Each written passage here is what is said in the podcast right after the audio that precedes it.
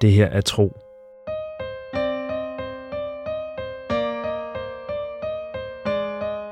En eventyrlig podcast fortælling i 55 afsnit.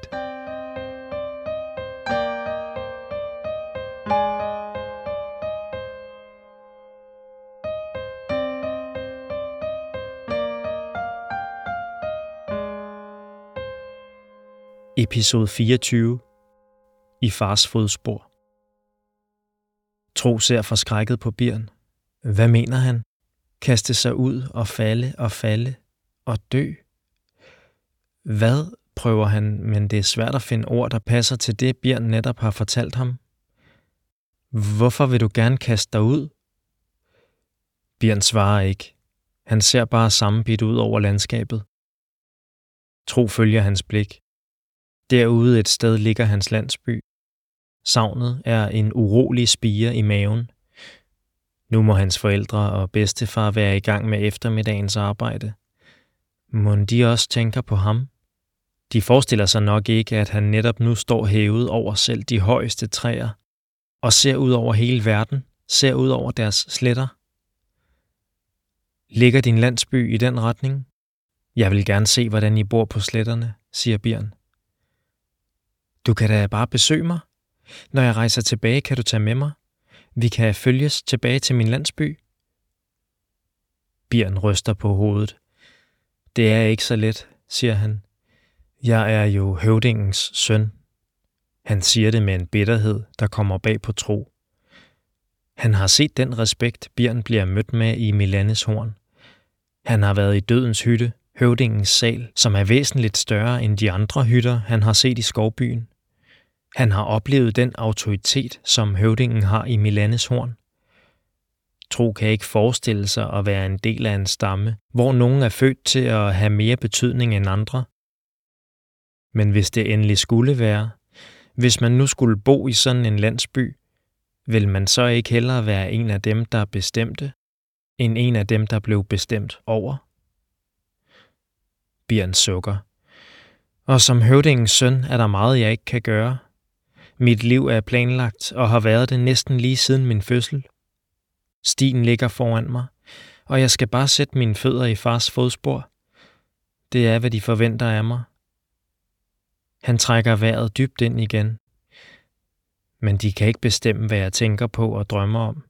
Og når jeg står heroppe alene, når jeg ikke tænker på at kaste mig ud og gøre en ende på det hele, så forestiller jeg mig, at jeg er alle andre steder end her i skoven, at jeg er barn hos vandfolket og bruger min dag på at fiske og tyde havets tegn, eller at jeg bor på sletterne ligesom dig og kan gå alene i den vilde natur i hele og halve dage, uden at nogen forventer af mig, at jeg skal opføre mig på en bestemt måde. Tro ser på ham. Nu er det ikke den sovløse, legesyge Birn, han står ved siden af. Det er heller ikke høvdingens søn, den alvorlige og myndige arving til Milanes horn. Det er en blanding af de to, drengen og tronfølgeren i en og samme krop. Både for at trøste Birn, og for at være sikker på, at skovdrengen ikke ser livet på sletterne som lutter leg og ubekymret nydelse, siger Tro. Der er også forventninger til mig. Min mor og far har brug for min hjælp hver eneste dag. Det samme har min bedstefar, ja hele min stamme. Hvis jeg ikke bidrager til fællesskabet, så er jeg en byrde. Jeg kan ikke bare gå rundt i altet i hele og halve dage, som du siger. For hvis alle gjorde det, ville stammen ikke kunne klare forberedelserne til vinteren. Tro forsøger at gøre sin stemme myndig og sikker, men mens han siger det, bliver han i tvivl. Er det stammens og hans forældres forventninger til ham, at han skal bidrage til fællesskabet på den vis? Eller er det nærmere hans egne forventninger? Birn indvender. Du kunne da godt få lov til at rejse hen til os. Ja, må tro medgive. Mere uundværlig er han altså ikke. Men der var jo også en grund til, at han tog afsted. Det siger han til Birn. Jeg blev nødt til at finde ud af, hvad der var på færre. Med dyrene og altet. Noget er jo helt forkert. Kan du mærke det? Birn lægger hovedet på skrå. De store øjne ser vurderende på tro. Hvordan mærke det? Mærke det i din bevidsthed, at dyrene ikke er her, og at noget i altet har rykket sig, eller ligesom er blevet trukket ud af sin rette form, så der er opstået en slags huller. Altet. Bjørn trækker ordet ud. Jeg har godt hørt, at I bruger det navn. Så vidt jeg har forstået, er det gudernes kraft, I kalder for altet. Tro svarer tøvende. Jeg tror godt, man kan sammenligne jeres guder med altet, men det er mere end bare en kraft. Altet er, ja, alting. Det er også folk og dyrene og planterne. Det er vandet og vinden og støvet på sletterne. Det er alting, der har været, og alting, der endnu ikke er blevet til noget. Det er det tæppe af livskraft, der holder alting sammen. Birn nikker. Og du kan mærke kraften, altet? Ja, som en del af min bevidsthed. Og nogle gange, når jeg koncentrerer mig om det, også som noget, der ligger ud over det, jeg kan se, høre og lugte med mine egne sanser. Som noget uden for min bevidsthed, der bliver til en del af min bevidsthed. Det er svært at forklare. Nej, siger Bjørn. Tro ser forvirret på ham. Nej, er det ikke svært at forklare? Bjørn griner og slår til ham. Din abemås, jeg svarer nej til dit spørgsmål. Nej, jeg kan ikke mærke, at noget skulle være galt. Kom med. Bjørn trækker Tro med hen til den modsatte ende af plateauet. Jeg ved, at noget er anderledes, fordi vores jægere vender tomhændede hjem, og fordi far har lukket byen og sendt sine sendebud ud til de andre byer. Ellers føles alting lige præcis så kedeligt og forudsigeligt, som det har gjort alle andre dage før denne. Indtil du kom. Bjørn smiler til ham. Jeg har på fornemmelsen, at der vil ske en masse spændende nu, hvor du er her. Men sig mig en ting. Bjørn lægger sit hoved på skrå igen. Sådan gør han åbenbart, når noget ikke giver umiddelbar mening for ham. Hvorfor kom du egentlig her? Du kunne mærke, at noget var galt, og du blev nødt til at lede efter en forklaring. Men hvorfor tror du, at svaret er hos os? Nu er det Tros tur til at kigge vurderende på sin nye kammerat. Hvor meget kan han sige? Kan han fortælle Bjørn, at det er en skarp pilespids og en ulmende mistanke, der har ført ham hertil? Vil han blive vred over, at Tro har sådanne tanker om hans folk? Eller, og det er næsten endnu værre, vil han grine af Tros mistænksomhed? Tro beslutter sig for at fortælle en halv sandhed. Min bedstefar bad mig om at aflevere skovhjertet til dig, og da jeg hørte, at Feras skulle i denne retning, tænkte jeg, at jeg kunne høste to marker med samme le. Jeg kunne både gøre, som min bedstefar ønskede, og starte min søgen et sted, nemlig her i jeres by. Bjørn smiler taknemmeligt. Det er jeg glad for, at du valgte at gøre. Fra sin bukselomme trækker han smykket op. Han runder sin håndflade, så skovhjertet passer i hulningen. Han ser undersøgende på det, mens han taler. Jeg kan mærke hende, som om hun er hos mig. En del af hende i hvert fald. Den bedste del. Bjørn lukker øjnene og sukker. Tro for en klump i halsen. Hvis det var ham, der havde mistet sin bedstefar. Han tør næsten ikke tænke tanken. Savner du hende meget? Bjørn nikker. Øjnene er stadig lukkede. Nu løber en lille tårer ned ad den mørke kind. Pludselig udbryder han. Åh! Og griner overrasket. Han åbner sine øjne og vender skovhjertet i hænderne, så udskæringerne skifter. Jeg tror lige hjertet trøstede mig, eller at hun gjorde det. Han ryster på hovedet og lægger smykket tilbage i lommen. Drengen er stille en tid. Tro ser ud over skovene og undrer sig.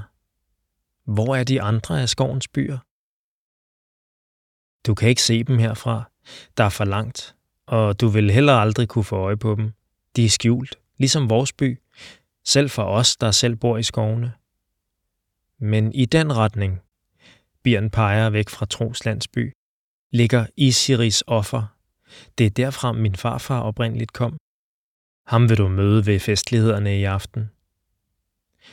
Bjørn tager fat om troskæbe og drejer hans ansigt blidt til siden. Og i den retning ligger den store by Myrne.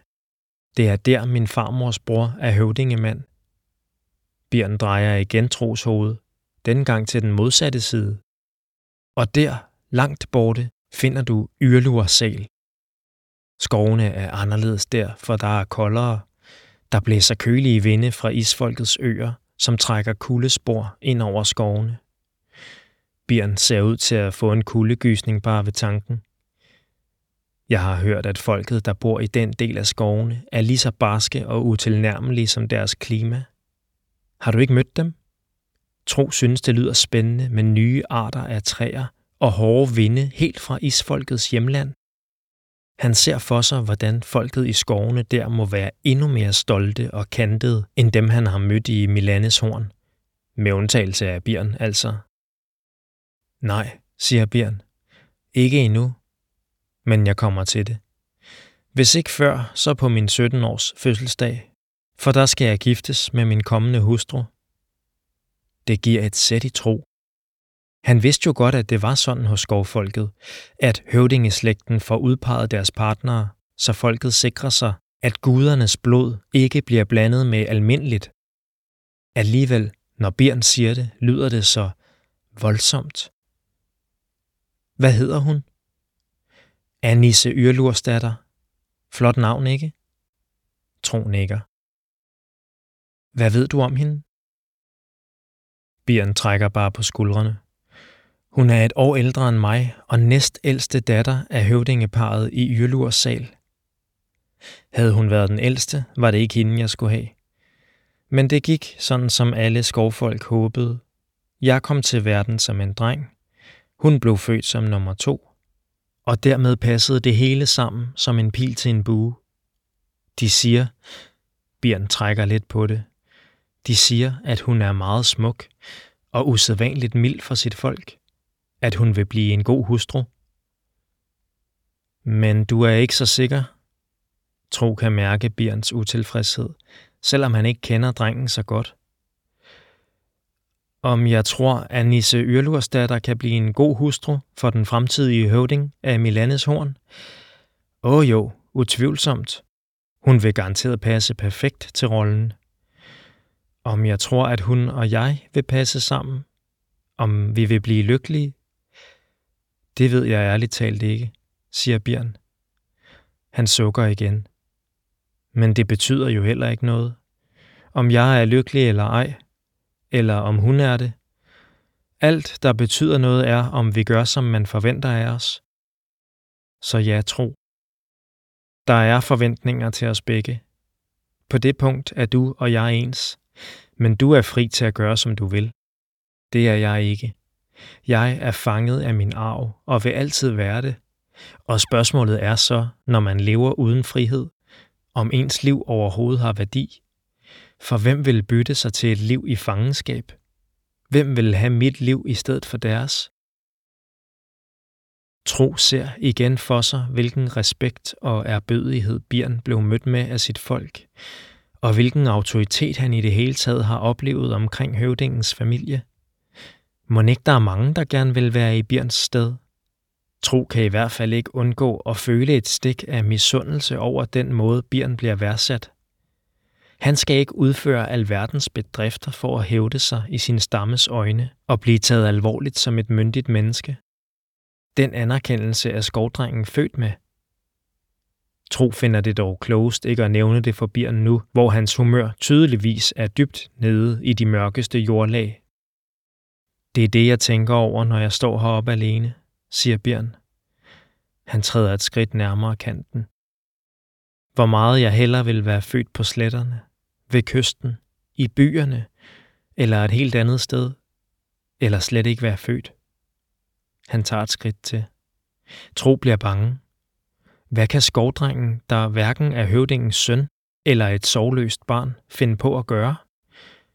Du må ikke gå tættere på, siger han, men Bjørn træder endnu et skridt frem. Nu står han helt ude ved kanten. Tro tager også et tøvende skridt, bange for at miste balancen og falde ned. Og så er det, jeg altid tænker på, hvordan det vil være at kaste mig ud og bare falde. Bjørn sender et skævt smil til Tro, der står stille, som sad hans ben fast i sletternes røde klipper. Sådan her. Bjørn træder et skridt frem, ud i den tomme luft. Tro når ikke engang at skrige, før drengen er væk. Sådan slutter denne episode af Tro. Se et kort over alle byerne i fortællingen på tropodcast.dk. Her kan du også se Christian Funders flotte illustrationer. Tro er skrevet, indtalt og produceret af mig. Jeg hedder Mikkel Prytz, og jeg håber, du vil lytte med næste gang.